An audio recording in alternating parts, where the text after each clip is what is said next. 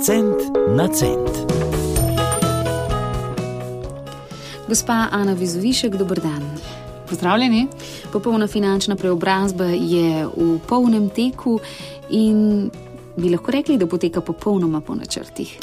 Ne, težko bi rekla, da poteka popolnoma, ker potem bi se zlagala in tudi prav je, da ne poteka popolnoma, ker to pomeni, da tudi naše življenje deluje na ta način, da nikoli se ne moreš popolnoma pripraviti na vse morebitne dogodke v prihodnosti. Uh, tako da se pa je pa ključno to, da se znamo obrniti, to pa definitivno. Tako, danes bomo govorili o tretjem primeru, družina, tri otroci, pravzaprav že študenti, kaj ne, tako da lahko rečemo odrasli, mladi. Mm -hmm. Nekaj prihranka je ali ne?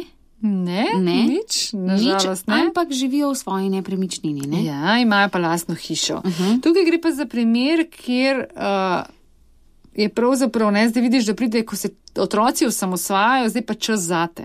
Ne? Ker če zdaj pa zase ne poskrbiš, potem boš imel pa kar težave, ne? še posebej pri treh otrocih. Uh, moram povedati, da tukaj me.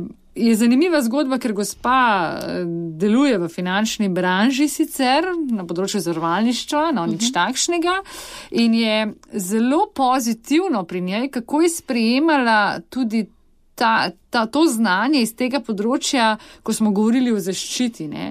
Recimo, same dva nista še ustrezno zaščitena. Ne, kdo bi si mislil, to, ne, ni to tiskovačeva kobila, ne bi rekla, da v tem primeru to, ampak enostavno, ker morda produkti, kjer deluješ, niso najbolj primerni, so dragi, da to že oceniš sam.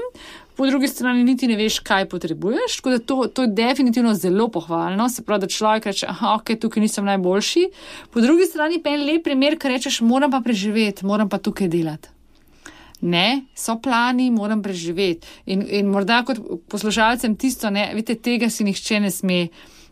Se tako daleč ne bi smel priti pri nikomora, uh -huh. da delaš tisto samo zato, da preživiš, ampak bi morali resnično delati tisto, kar si želimo, po čemer smo najboljši. No in tukaj recimo primer prihodkovno, če gledamo, pa če gremo malce čez finančni vidik, 3000 evrov, bi rekel, mislim, jaz vedno rečem, to ni malo. Po drugi strani pa spet. So krediti iz preteklosti, je leasing iz preteklosti. Ne? Se pravi, celo življenje sta zgradila hišo, imata nekaj premoženja po vseh teh letih, pa vendar sta navajena, da pač drugače brez tega ne gre. In to tudi lepo priznata. No in ko sta prišla do mene in smo šli čez finančno sliko, se pogovarjali o vseh teh njihovih navadah, sem jim jaz recimo budžet takoj skrčila na 2300, bom natančna 40 evrov, ker sem si prav zapomnila ta podatek. Ne, kaj hočem povedati? To je bistvo budžetinga, ne, v katerem govorimo. To je načrtovanje.